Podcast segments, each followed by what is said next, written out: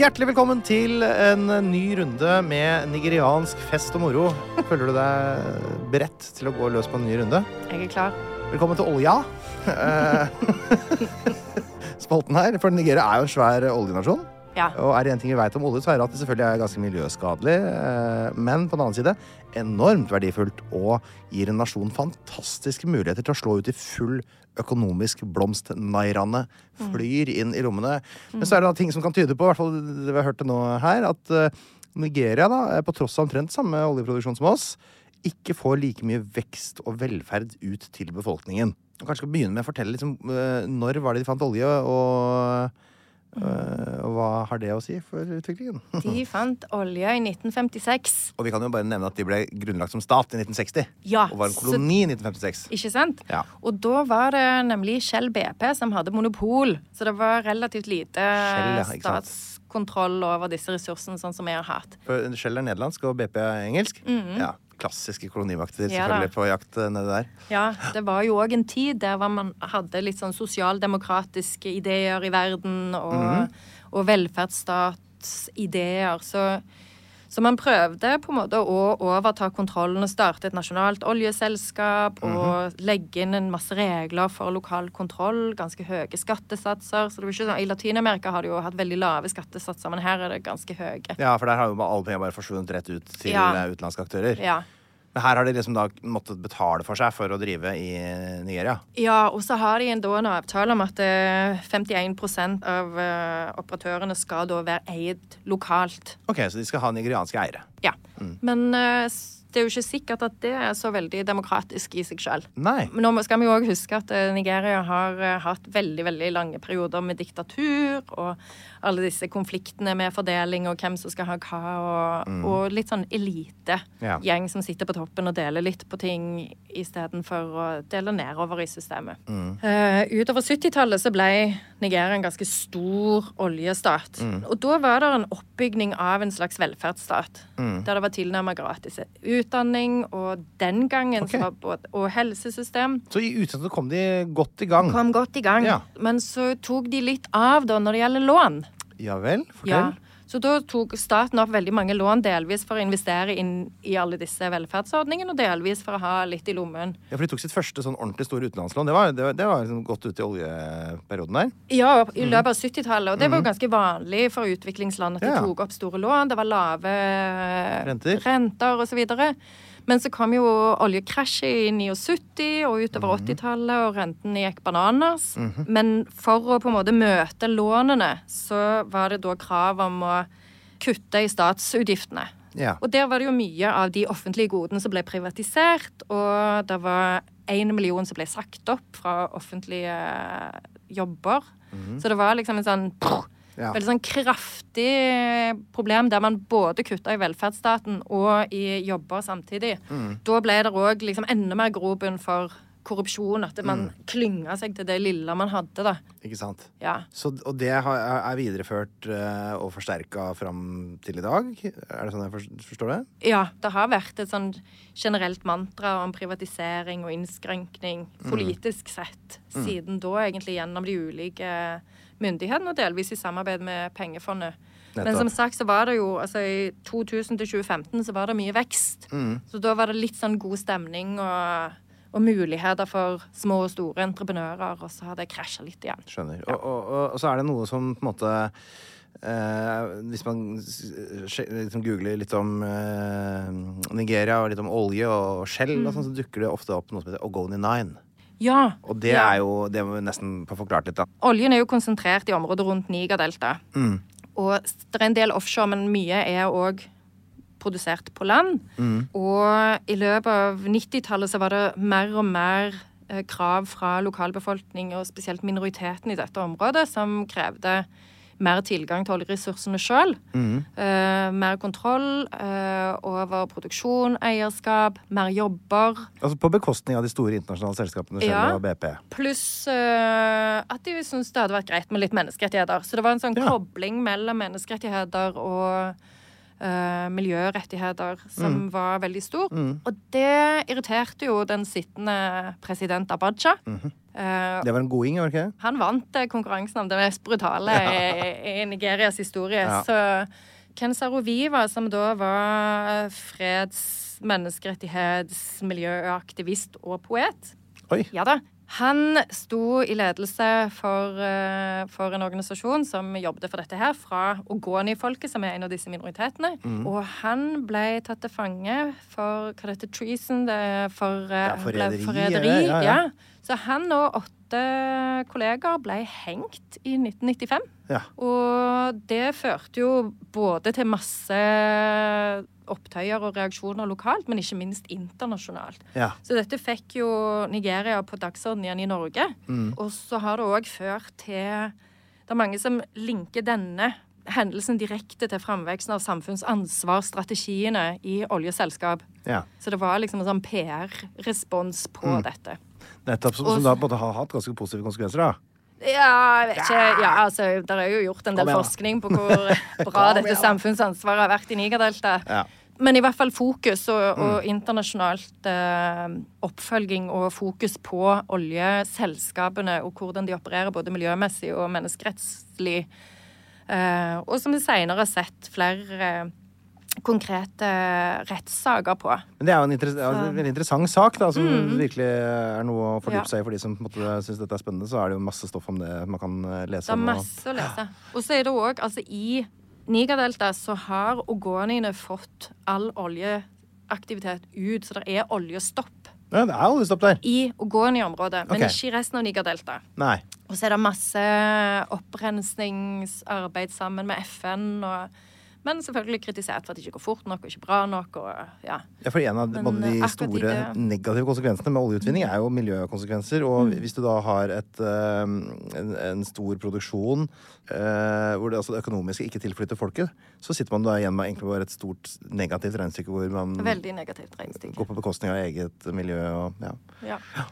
Så det er jo det som er litt den absurde situasjonen, i, spesielt i Nigerdeltaet, men i hele Nigeria, at man er veldig avhengig av oljen samtidig som man ikke får så mye igjen for det. Mm.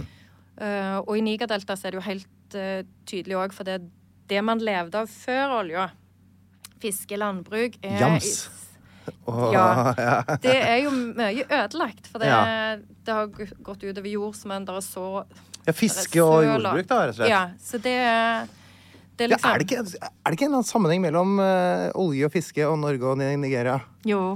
Kan ikke du fortelle om det? Ja, Nigeria er altså den største importøren av norsk tørrfisk. Ja, Det er veldig fascinerende. Det er altså. veldig fascinerende. Og det er altså viktig både kulturelt og som en rein matauk. Matauk. Ja. Og de kaller det jo stockfish, så de bruker dette her mer som en sånn kraft i ulike gryteretter og Ja. Ja, så hvis du går på markedene i Nigeria, så er det ofte henger det masse tørrfisk. Spesielt tørrfiskhoder. ja, og hvis du går rundt f.eks. i Mehamn i Finnmark, hvor jeg har gått rundt, så er det jo sånne svære sånne der, hva heter det, stativer, kaller jeg det. Hvor de henger opp Ja, disse eh, torskehuene. Ja. Eh, da spurte jeg selvfølgelig hvor de, hva er det dere gjør med dette her. Nei, det sender vi til Nigeria. De er gærne etter Nigeria, sier de. Ja. Ja. Ja, og de, det, er liksom, det Torskehuer. setter så flotte smak på maten. Så Ja. det er kjempestas. Ja.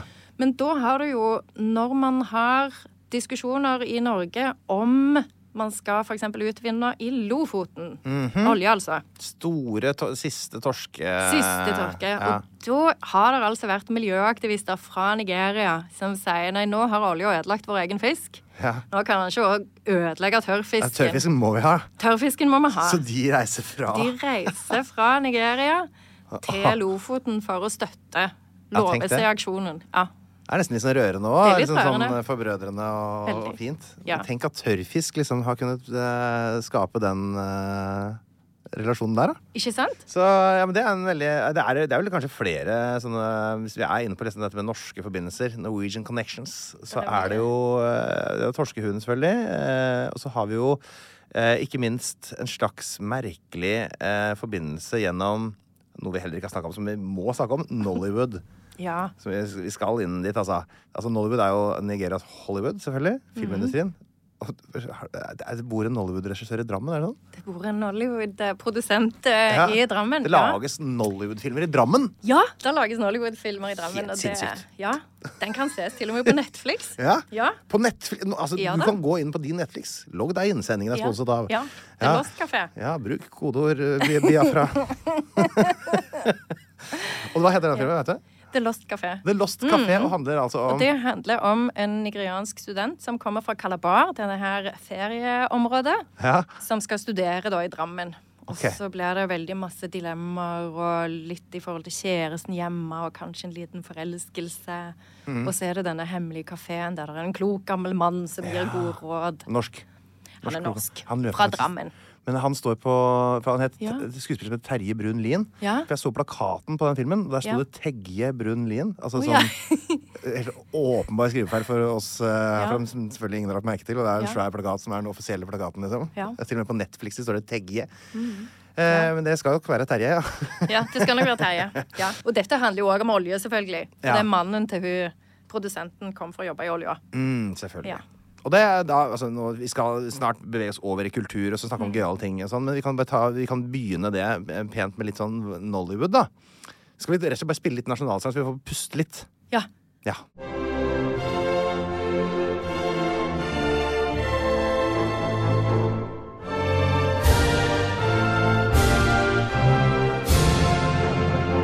Vi er eh, kommet til kulturspalten, P2-delen av eh, programmet. For Nigeria er en kulturnasjon. Det er jo veldig mange kunst- og kulturuttrykk som vi er kjent med, som kan spores til Nigeria. Eh, og det er jo det hele tatt en veldig innflytelsesrik eh, nasjon. sånn sett. Og vi skulle ha begynt, da. Nå var vi så vidt innom eh, filmindustrien. Kan ta mer om den etterpå. Men hvis vi begynner med det aller minst podkastvennlige eh, kulturuttrykket først, nemlig billedkunst. Hva hadde Picasso vært om ikke eh, Nigeria eh, hadde fantes? Nei, altså Picasso hadde ikke vært Picasso, og kubismen hadde ikke vært. Jeg tror faktisk det var Matisse som introduserte han til masker fra Nigeria, som inspirerte han i sin tid. Så det var veldig stor innflytelse og inspirasjon fra vestafrikansk og nigeriansk eh, tradisjonell kunst som Mm. inspirerte ja, store Store europeiske Mm. Ja. kunstnere som vi tar for, for gitt, har selvfølgelig Ja. eh, opphav, eller altså inspirasjon fra Vest-Afrika. Og så har du naturligvis, hvis du går til eh, musikk, så er jo lista veldig lang. Veldig lang. Og der går det jo helt tilbake fra slavetiden. Ja. Med slaver som har vært både i Latin-Amerika og påvirka latinamerikansk musikk, og i USA med alt fra blues, det er vel mer fra Mali, men country Mhm. Ja, ja, fra Altså, sant? Det er faktisk, funk. hatt funken, selvfølgelig. Alt i sammen. Afrobeaten må man også kunne si at det er fra. Ja, og det som er litt interessant med afrobeaten, er jo Ja. at Fela Kuti dro til USA og ble på en måte gjeninspirert via funken i USA. Å ja. Som Ja. på en måte er også inspirert av liksom, hans eget liksom, opphav. Ja. Ja, så han gikk liksom tilbake til røttene, men inspirert av, uh, av eh, amerikansk funk Ja. på 70-tallet. Så det er, det er liksom Alt henger sammen, og det, det er jo ofte det som er litt underkjent, den opprinnelsen. Mm. Og jeg syns jo òg dette med country er litt interessant, for jeg ble litt overrasket når jeg hørte Dolly Parton på flyplassen Å ja. i Nigeria. Sier du det? Tenkte jeg, hva Ja, country er veldig, veldig populært i Nigeria. ja. Ja. Men jeg kan liksom ikke se for meg liksom, den mest du vet, den eh, kommersiell hvit cowboyhatt-country med moderne biler. Det er sånn Garth Brooks eller altså sånn der, At det liksom er, er det det liksom? Populært i Nigeria? Det er veldig Ja, sånn jeg, har- altså, Republikaner, hatter. eh, Jeg har hatt fra Nigeria, jeg. eh, Som, Cowboyhatt? Nesten cowboyhatt. Litt sånn eh, ikke så breibremma som en tradisjonell cowboyhatt. Men Niger Delta. Nigerdelta har uh, hatter Ja. som kan til, ja, i beste fall ligne. Så det er veldig my mye inspirasjon, men så har du jo òg de siste tidene med, med sånn eksplisitt fokus på å finne tilbake til å anerkjenne de kulturelle røttene fra Afrika, der du har store stjerner, ikke minst Beyoncé, som har på en måte tatt opp i seg uttrykk både med sminke og klær og musikk ja. og tekst. Hun danser jo på en veldig, veldig En måte som jeg tenker i hvert fall kan- minne veldig om afrikansk eh, Hun har nok gått på kurs hos nigerianere, det er ja. Knallharde hoftebevegelser. Ja. ja. Så det, og der er det jo òg, hvis du ser uh, hele Fela Kuti-familien. Der er Ja. jo Femi er den eneste andre jeg vet om, faktisk. Shaun er enda større i Nigeria Er nå, som er lillebroren. Okay. Han har òg overtatt bandet til, til Fela. Oi, de må være gamle. Eh, ja, men ikke alle. Men de har vært her i Norge òg og spilt på Melafestivalen i Oslo. Kan du si at bandet bytta bort fela? Fikk eh... Nei, blås. Blås. Ikke begynn engang, si. Det. Fikk kutt igjen. Ja. Men det er altså flere generasjoner og, og kvinner, og de, de kan bevege seg. Nettopp. Det skal de ha. Men altså, du nevnte Beyoncé. Ja. Eh, Hun har jo da henta en del uttrykk derfra. Men vi har jo også andre artister som uh, Må dere glemme Shadé, uh, for de som husker henne. Eh, og min uh, Det jeg kanskje syns er den viktigste eh, nigerianske artisten, nemlig Dr. Alban. Ja. Han er Igbo, tror jeg. Han er sånn, eh, jeg husker han var gjest på Skavlan, og så var det et eller annet han eh, hadde noe sånn var i en arverekke. Kunne sånn teoretisk sett bli en konge eller noe sånt. Da. Ja. Han var jo konge i Sverige, så det var ikke så farlig. ja, men da har vi jo altså Vi har jo litt nyere artister òg, da. Hva er det du mener? Ja. Så uh, kom jo på Øyafestivalen nå i sommer. og Wizkid, ja. Wizkid, ja. Mm. Og det er jo på en måte artist eh, Altså, det er jo uh, Litt størrelse. greier. Mm. Og det er jo faktisk akkurat nå, uh, mens vi spiller dette her, en uh, rekord som pågår. Ja. Det er altså artisten Rema på femteplass på Billboard Hot 100. Altså den høyeste plasseringen en nigeriansk artist har hatt noensinne. Sammen med da kanskje ikke helt uvesentlig da, at det er sammen med da Selena Gomez. Men det er jo litt interessant at hun velger å jobbe med han, da. Det, det er veldig. Jo, ja. Men dette er jo også en artist som både har Han har jo etablert seg både som modell og artist i Europa nå over noen Ja. år. Og jeg tror ikke fremtida er helt bekmørk eh, for han. Ung, kjekk, eh, talentfull eh, Ja. fyr. Så det er jo spennende. Nigeriansk musikk er det bare å følge med på. Og så er det jo da, for dere nerdene da, som driver og leser og sånn, snork. Skjønnlitteratur. Der er det jo eh, Ja. litt å plukke fra også. Og det er enormt masse å, å plukke fra. Ja. Chinua Chebe, som eh, regnes for de som leser som han som burde ha fått Nobelprisen. Og dette er sånn Achebe. etablert. Ja. Og det er sånn som snakkes om nesten hver gang Nobelprisen skal gis, og sånn nå Ja, okay. må liksom Nobelpriskomiteen skjerpe seg, vi kan ikke ha enda en. Ja. Mm. Men det er helt fantastiske bøker. Er det, Hvis du vil anbefale lytterne Ja. her liksom, et sted å begynne der Han har en trilogi som egentlig alle tre må leses. Men eh, jeg begynte sjøl med den som heter Things Fall Apart, eller Mønsteret rakner.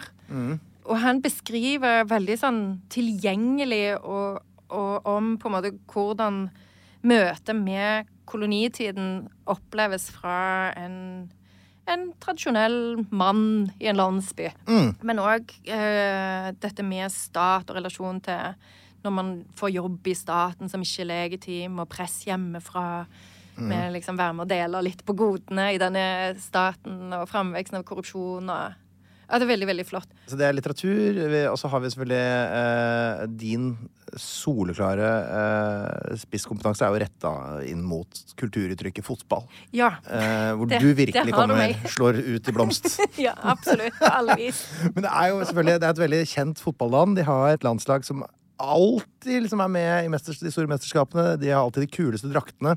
Eh, som ganske mange bruker, selv om de mm. verken heier på Nigeria eller eh, har noe med det å gjøre. Bare fordi de er De dritkule. er kule. Ja, Så er det jo fotballspillere som Jon Obi Miquel, som mange kjenner både fra, fra Lyn og Chelsea. Isaac Success, Alex Iwobi, som spiller på Everton, og Kelechi Inacho fra eh, Leicester. Petra Domingi, som er den eneste usbekisk-nigerianske mennesket på planeten jorda. Eh, og så størst akkurat nå er vel eh, Victor Osimen på Napoli, som akkurat har vunnet Serie A i, i Italia. Så det er en ganske bra eh, gjeng. Eh, Nollywood var vi innom. Vi snakka bare om Drammen. Vi må fortelle liksom om dette her, for hvor stort er liksom Nollywood? Alle har hørt om Hollywood. 99% har hørt om Bollywood i Ja. India. Og så er det altså Nollywood. Og det er, altså Nollywood er nest største filmindustri i verden, så den gikk Etter- forbi Hollywood, men er mindre enn Bollywood. Bollywood. Begge disse to er større enn Hollywood, selv om de har tatt navnet fra ja, Hollywood. I produksjon. Ja. Ja. Jeg var jo bare kjapt inne og kikka på hva er liksom de store blockbusterne, og, og jeg gidder jo ikke å se alt sammen, men jeg så på noen trailere og sånn. da. Ja. Det ser i hvert fall ut som det er relativt høy kvalitet på sånn, produksjon. Mm. Men eh, Det var ikke noe som dro meg veldig inn. Jeg ble ikke veldig interessert. Kan si. Nei, det kan være det. Det er en veldig stor forskjell Ja. på, på produksjonene. Altså, jeg så denne her Halv gul sol, som er basert på Chimamanda Adichis sin film. Den er på jo Netflix. Ja, den. Er, den vil jeg tro det går an å se for alle. Den er lett tilgjengelig, det er god historie, der er driv, der er liksom hele, hele Alt i sammen. Ja. Og så er det andre som kanskje er litt mer for de spesielt interesserte. Og det er nok hovedsak nigerianere i diasporaen, som for Mm. øvrig er veldig mange. OK, dette er jo mm, Dette er gøy. Altså, det er så mye jeg har lyst til å snakke om. Uh, hvor, hvor skal vi gå nå? Kan vi ikke bare snakke litt om hvordan Nigeria uh, dukka opp? Hvordan ble Nigeria til? Ja. Vi kaller det for Historiespalten, gjør vi ikke det?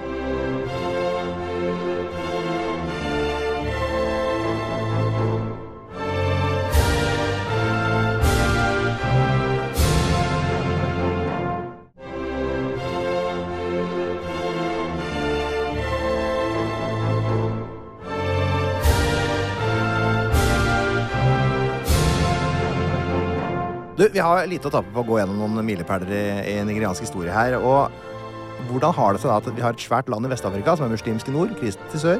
Folk snakker hundrevis av forskjellige språk, bruker engelsk pidgin som fellesspråk, hvor den eh, sosiale ulikheten er ekstremt stor, hvor folk er tilknyttet masse forskjellige etnolingvistiske grupper med egne monarker med her og monarker med der. Altså Jeg begynte bare så vidt uh, å lese litt om dette her.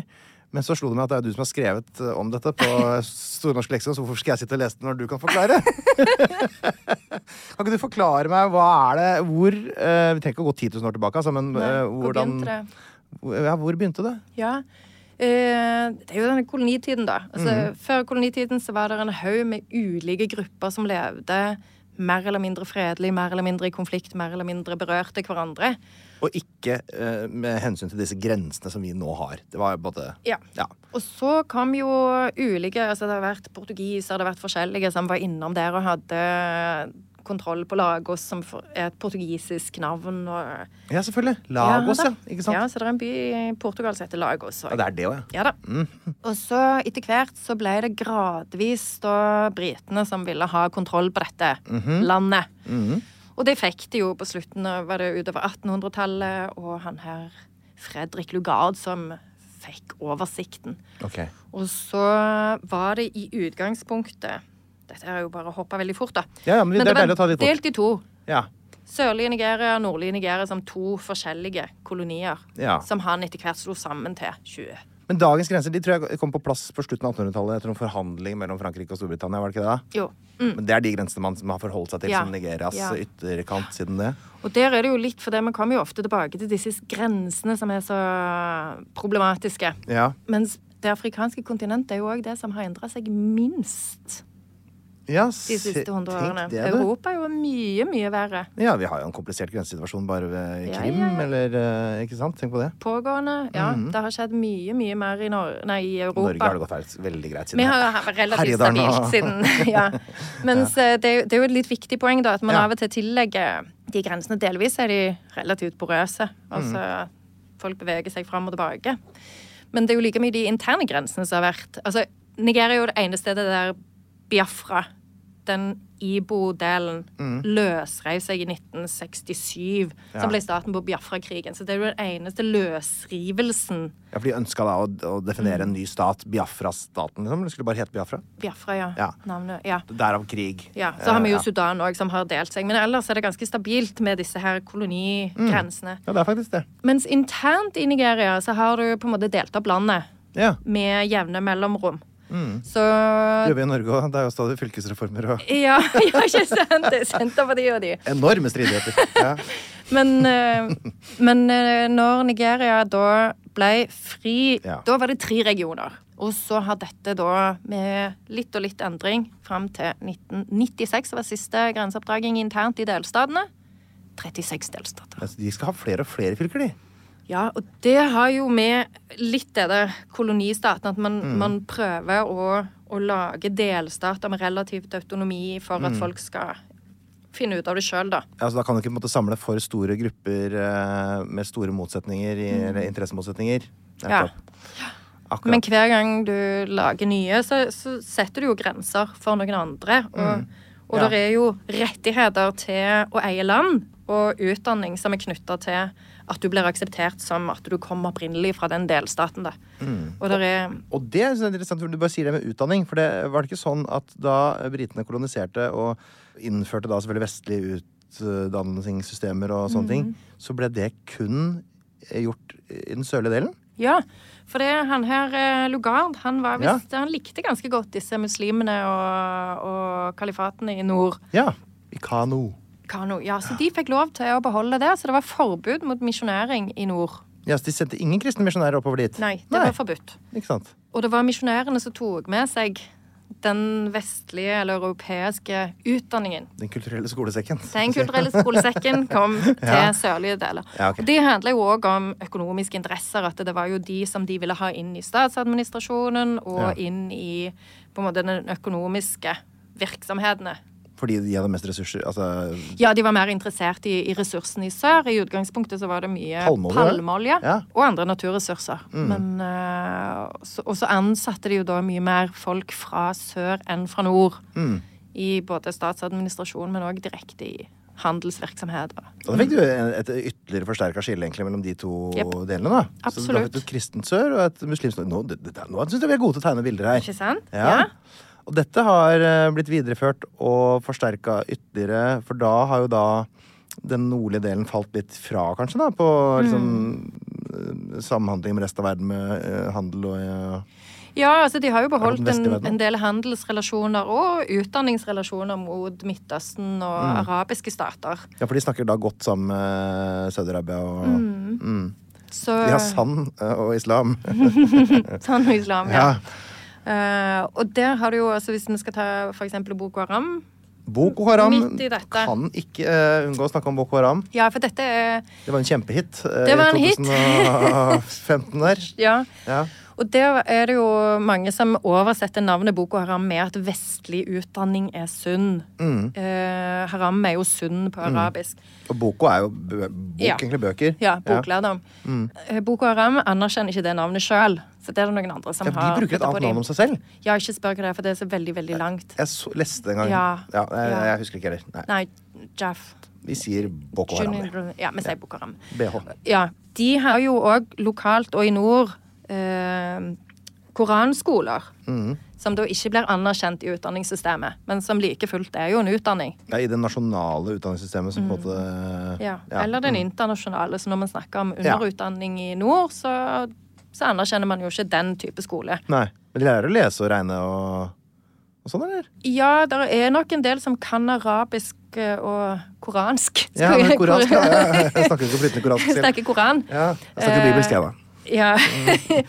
Men dårligere utdanningstilbud enn Ja. i sør. Mm. Og det handler jo igjen om den der ideen om at staten og statsinstitusjonene har liten legitimitet, inkludert i skolevesenet. Mm. Så dette her henger jo sammen med mistillit til staten og Mm. en opplevelse av å bli neglisjert i forhold til velferd. Dette er jo det fattigste området i Nigeria, der Ja. Boko Haram kom fram Nettopp. som òg opplevde det var mye overgrep fra militære menneskerettighetsbrudd. Jaha. Eh, og selve det som regnes som liksom den store hendelsen som bikka Boko Haram fra å være en kriminell og, og voldelig organisasjon, men til å bli liksom skikkelig hardcore, rett VG.no-stoff, terrororganisasjon, liksom, liksom. Det var en episode der lederen for Boko Haram ble drept av militæret Okay. i, i arrest, tror jeg til og med, etter han ble tatt for å ikke kjøre med hjelm. Hæ? Altså så liten uh, sak, liksom? Det var en relativt liten forseelse. Ja. Og så mente de at han døde i arresten, men eh, det er vel bevist at det var militæret som, som knerte han. Ja. Og da ble de jo litt sinte. Jeg skjønner. Ja, så Det førte til økt konflikt- og spenningsnivå og gradvis radikalisering. Nettopp. Eller enda mer radikalisering. Det er rundt 2009. Ja? Og så 2009 startet sånn. eksploderte det jo da internasjonalt med disse kidnappingene av uh, Chibok-jentene. Er det Bring Our Girls Back-greiene som jeg husker så godt? Det var Ja. 200-300 jenter fra en skole. 279 279. som ble uh, tatt av Boko Haram Eh, Hva skjedde med dem? etterpå. Ja, Ble de sluppet? Nei, altså nå uh, er det rundt 100 som er sluppet fri, 50 som er døde, og 100 vi ikke vet. Altså, oh, ja, okay, om det et eller annet sånn, det kan det være jeg finner litt på, Ja. men, men litt sånn blanding. Ja, okay, Ja. Og så har de jo òg kidnappa nye etterpå. Mm. Av forskjellige grunner. Altså det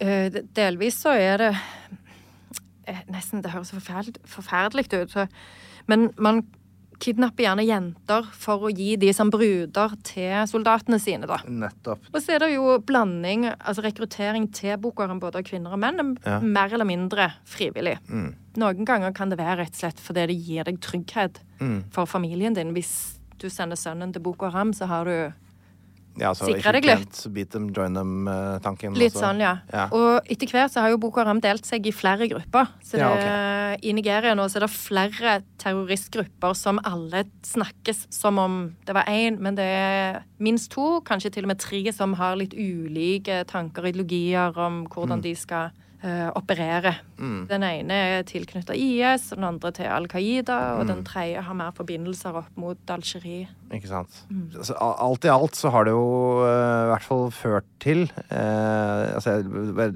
så siste nyhetssak om Boko Haram. Jeg prøver å finne Mm. hva er den siste nyhetssaken i norske medier. Eh, det er det er ikke så lenge siden. Da var det nå at det hadde, var, de hadde drept ti mennesker i et angrep i Jobe i Mm. nordøst. Og i den saken så rapporterer også Reuters.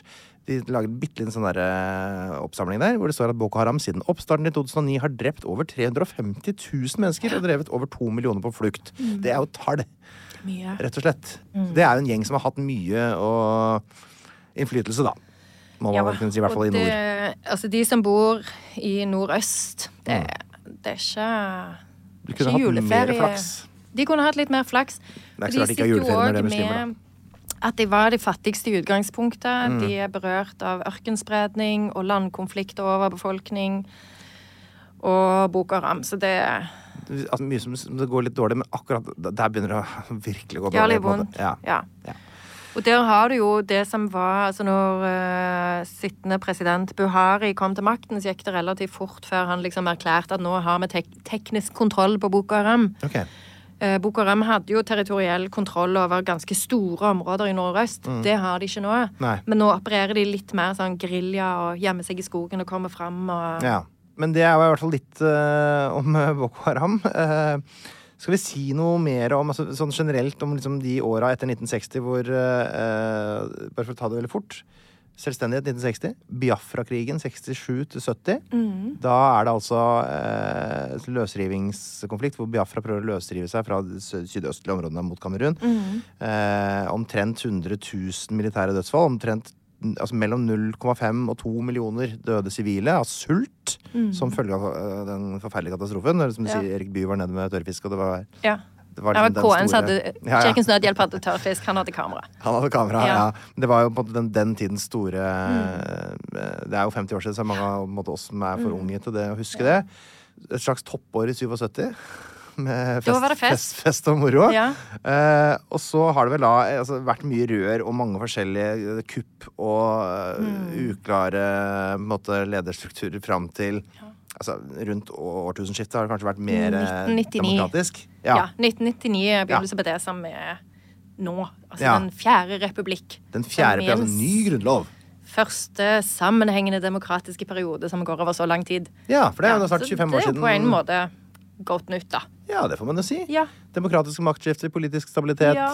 Ja. ja. Men samtidig det er Men folk har ikke nødvendigvis fått det så bra, da. Så det er jo litt det som er frustrasjonen.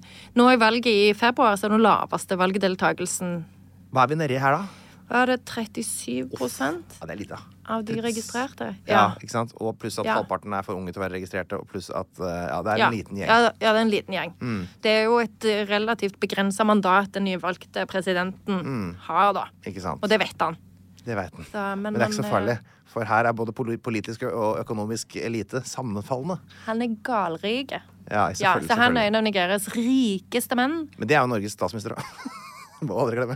Jeg tror ikke han kan sammenligne. Altså, jeg tror han kommer til kort. Altså, det skal jeg ikke Ja. gi eh, Jonas. Uh, det er lov å ha litt penger. Ja, ja. Det er mye mer altså, ja, Det er mye gøy å si om han Tinubu, da, som er valgt. Ja, det, jeg tror det er mer spektakulær uh, Ja. runde der. For han er 70. Ja, han er 70. Ja. Og så, Og det er det er mange, alder, det. ja, så er det vel noen som spekulerer sånn Er han egentlig del av ligaen? Ja, og ja, sånn, ja. Ja, mye fake news i Nigeria, så det er litt Akkurat. uklart. Han kan være mye eldre. For, Kan det, det, ja. Det er jo klassikeren med disse afrikanske det var det masse historier i valget nå med litt sånn at han snøvla litt når han snakket, oh, ja. og sovna i noen møter. Å, og, ja, det er litt trist, da, vet du, det er oldingstyret. Ja. Og så har han en historie med han er nå spekulerte om involvert i noe doppenger og noe korrupsjon, hist og pist. Mm. Og så er han da omtalt som gudfar. Så det er liksom Han har på en måte altså, hatt Mafia-gudfar, liksom? Ja, politisk gudfar. Ja, Ja, ish. Gud.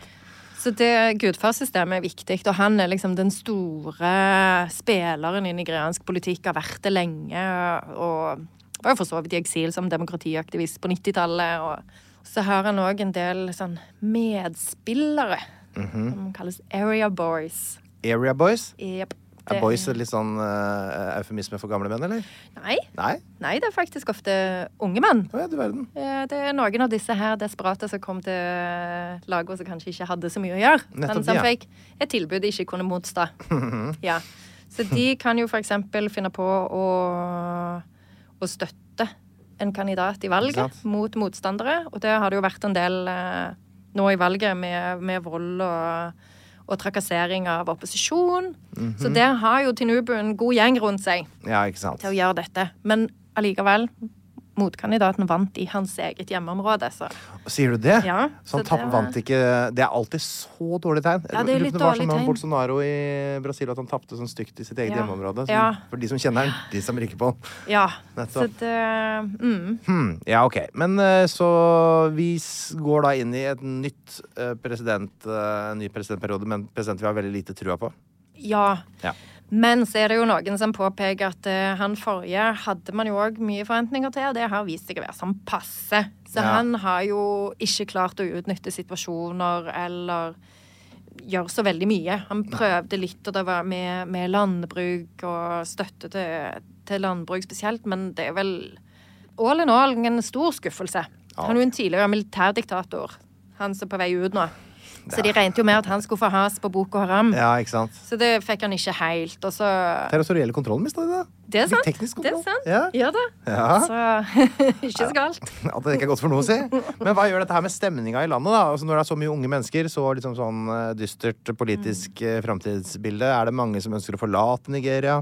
Er det Masse. Det var Ja. nettopp Dette vet jeg ikke, det er så fryktelig mye sånn undersøkelser som svirrer rundt. Men noen nyheter nå er liksom at eh, nesten 70% av nigerianere ønsker å forlate Nigeria. Å, herregud. Nesten 70% Ja, og det, Om det er sanne tall eller ikke, Nei. men det er, det er mange av de jeg har snakket med òg, og sånn, hvordan er det? Og sånn, Nei, alle vil reise. Alle vil Ja. reise. Det er som norske milliardærer, nesten. Ja, eh, men eh, det spørs om Sveits tar imot disse på samme vis. Ja, nei, jeg skjønner. Så, så, det, men det er jo det som er skummelt, altså med 221 eller annet millioner mennesker. Og når ungdommen da mister håp og trua på framtiden, så, Mm. Ja. Så kan noen reise, og noen finne på alternative ting som er litt mer uformelt og på siden av systemet. og Det, det kan være ganske skummelt. Det er dårlig stemning nå. Det er misnøye med valget, det er Ja. misnøye med ledelsen, det er lite tro på økonomien. Mm.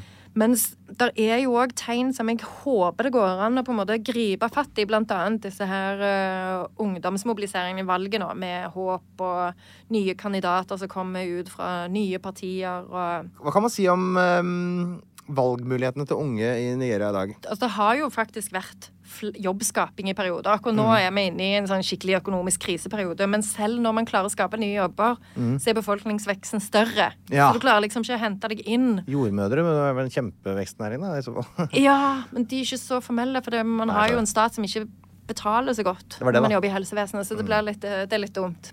Mm. Men da kan man jo søke alternative kanaler for inntekter.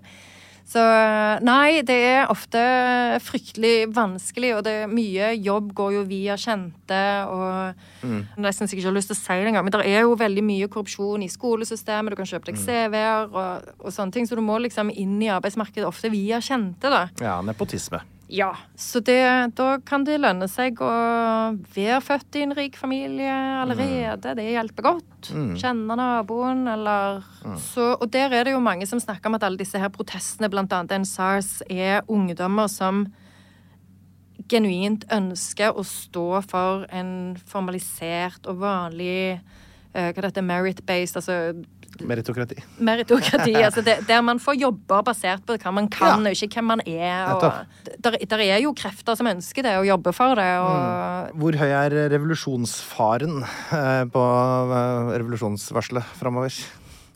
Er det Ja, med revolusjon snakker vi om sånn eh, arbeiderne som skal overta Ja, vet. Sånn typ, midlene. skal de skal storme Bastillen? Ja, jeg er litt redd for at det ikke kommer til å skje. Nei. Nei, det tror jeg det ikke.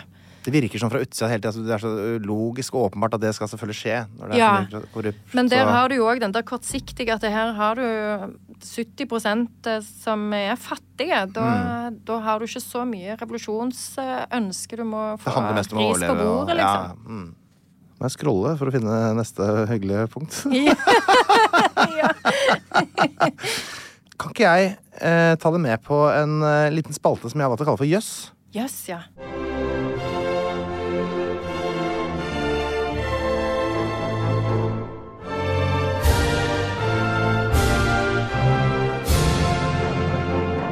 Spalten Jøss, Camilla, så presenterer jeg deg for uh, fakta som er sånn passe interessante. Ja? Det er ikke helt utrolige, Nei? men de er ganske artige. Ja. For eksempel Aliko Dangote er Afrikas rikeste mann, også den rikeste mørkhudede personen i verden ifølge Forbes liste. Han er rik på sukker og sement. Han er fra Nigeria. Ok, ny eh, jøss her. Jorubar har den høyeste forekomsten av tvillinger i verden. Spesifikt toeggede tvillingpar er vanlig. Visste du det? Ja. En eller annen gang langt bak i hodet så visste jeg det. Da er det faktisk sånn at Skikken er altså det førstefødte barnet i et tvillingpar skal bli kalt da for Tayewo. Eh, og Det betyr den første som fikk smake verden. Mens den andre skal kalles for Kehinde. Og Kehinde blir da sett på som den eldste, selv om hun blir født først. Eh, født sist. Fordi det er liksom den som dytter ut den eh, andre for å sjekke om verden er trygg. Så det er liksom artige greier. Og så- Og så er det jo en liten sånn engelsk fotball-funfact som følger det. For Nottingham Forest de har en spiss som heter Taiwo Awoniyi. «Ah, Taiwo? Taiwo? Og det er selvfølgelig gå rett inn og google han. Han Ja, er han er åpenbart selvfølgelig Yoruba og tvilling. Ja. Har jeg tvillingsøster som var da? Er toegga tvilling. Akkurat sånn som det liksom det eh, boka. funfacten Ja. er. Så det er litt sånn gøy, syns jeg. I 2022 så ble Jonas Gahr Støre og Anniken Huitfeldt sine Twitter-konti merket med 'Nigerian Government Official' ved en feil. Ja. Det syns jeg var veldig løye. Ambra skrev- gikk ut og beklaga i etterkant, faktisk. Ja. Men det var løye. Ja, det var litt artig. Ja. da måtte liksom de gå ut og skrive på Twitter Tusen takk, for vi har ikke noe mot dette her, men eh, det er jo feil, da. Ja, litt feil. Norwegian, liksom. Ja. Så det var artig. Afrikas eldste fargegrop, altså sånn for pøl for farging av tekstiler, ligger i Kano og har vært i bruk siden 1498. Ja, og der har jeg lyst til å dra. Nei, men Visste du dette? Nå tenkte jeg hadde funnet en som det var litt vanskelig å Jeg visste ikke det var verdens eldste, men jeg har sett bilder av det. er jo sånne Ja, fantastiske blåfarger. Og, ja. Dette er jo virkelig en næring som er på vei ut, da. Eh, Sånn naturfarging. ja, så derfor må vi jo skynde oss. Den eh, haster litt, den der. Ja. Og da er det jo godt å vite at nordlige Nigeria er så gjest... Ja, men et sted for turister. Tror det går. Det går. Ja. Ja, riktig god tur. Eh, den norske ambassaden i Abuja har formalisert det vi allerede vet om norsk arbeidsliv, og er derfor åpen fra 8 til 16 mandag til torsdag, men stenger 13.30 på fredager. Det er en liten eh, fun fact. Da skal du på hytta. ja. Ok, her da. På mitt lille Google Maps-søk over Nigeria, hvor jeg faktisk bare gikk rundt og kikka, så fant jeg steder som het Kano, som vi har vært innom, Porno, Dong, Bille, Ku, Offa, Tissa og Rumpa. Jøss. Ja, jøss. Det var det jeg hadde i, i spalten Jøss.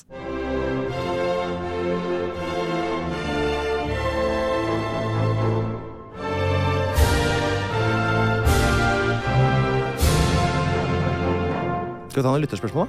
OK. Fått Ja. del, eh, jeg har jo en del lyttere. Kremt.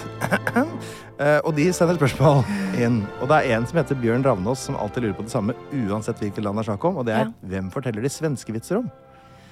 Om hverandre. Og det er fordi det er så mange ja. stammer og sånn, ja, selvfølgelig. Ja, ja. Så yorubaen om uh, ibon og ibon om uh, Ja. altså fulani nå. ja. Men jeg har jo òg hørt generelle Nigeria-vitser.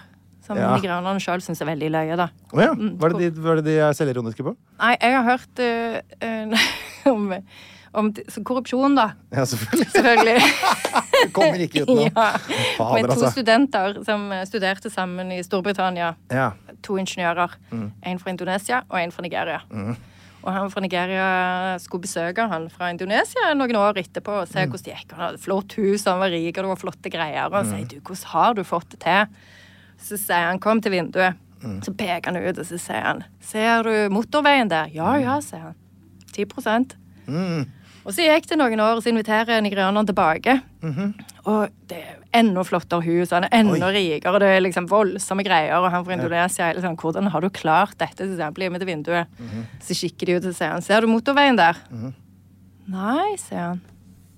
Og så slår han ut med hendene sine. ja, nemlig. Nemlig. Ja. Ja, det likte jeg. Det var gøy. Så svaret til Bjørn Anders er selvfølgelig at de forteller svenskevitser om Indonesia. Roger Pettersen. Han er jo da innom det på en måte kanskje første som eh, mange tenker på når de hører ordet Nigeria. Eh, og det er flere som har spørsmål om dette her. Med tanke på alle mail fra enkene, er det eh, for lett å opprette enkemannsforetak i Nigeria, som er en liten vits der, men nå, han vil jo til Nigeria-brevene. ja. Det har vi ikke snakka om engang. Nei. Ja, skal vi, må jo ta en liten touch på det. Dette er noe som begynte på 70-tallet.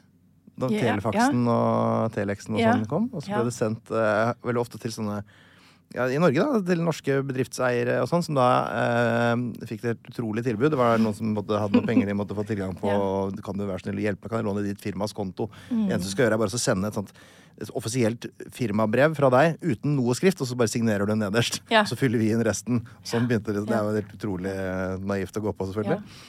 Eh, og nå har det jo blitt en stor industri. Det er e-mailer, og det er Mm. sosiale medier og I starten så er det jo bare en bitte, bitte liten, utrolig ubetydelig liten eh, gebyr som skal betales. Ja. Mm. For at du skal få eh, hjelp av disse som har det, dessverre ikke får tak i pengene sine.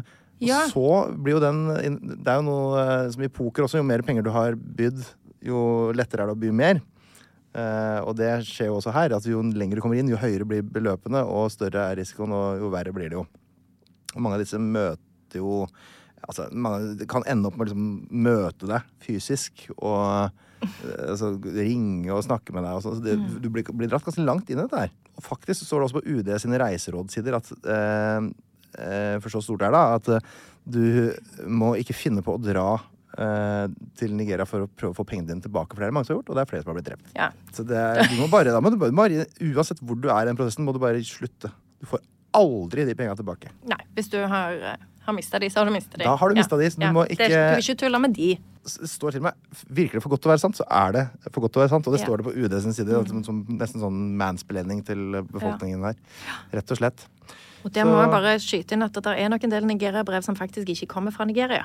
Det er også helt riktig. Ja, For Nigeria er jo et sannsynlig land for korrupsjon. Så derfor er det mange som sitter i andre land og tenker vi gjør som vi kommer fra Nigeria. Mm. Det er litt dårlig gjort, syns jeg. Ja, det, Ja. ja, det er det også. Ja, da får i hvert fall retta oppmerksomheten eh, dit, da.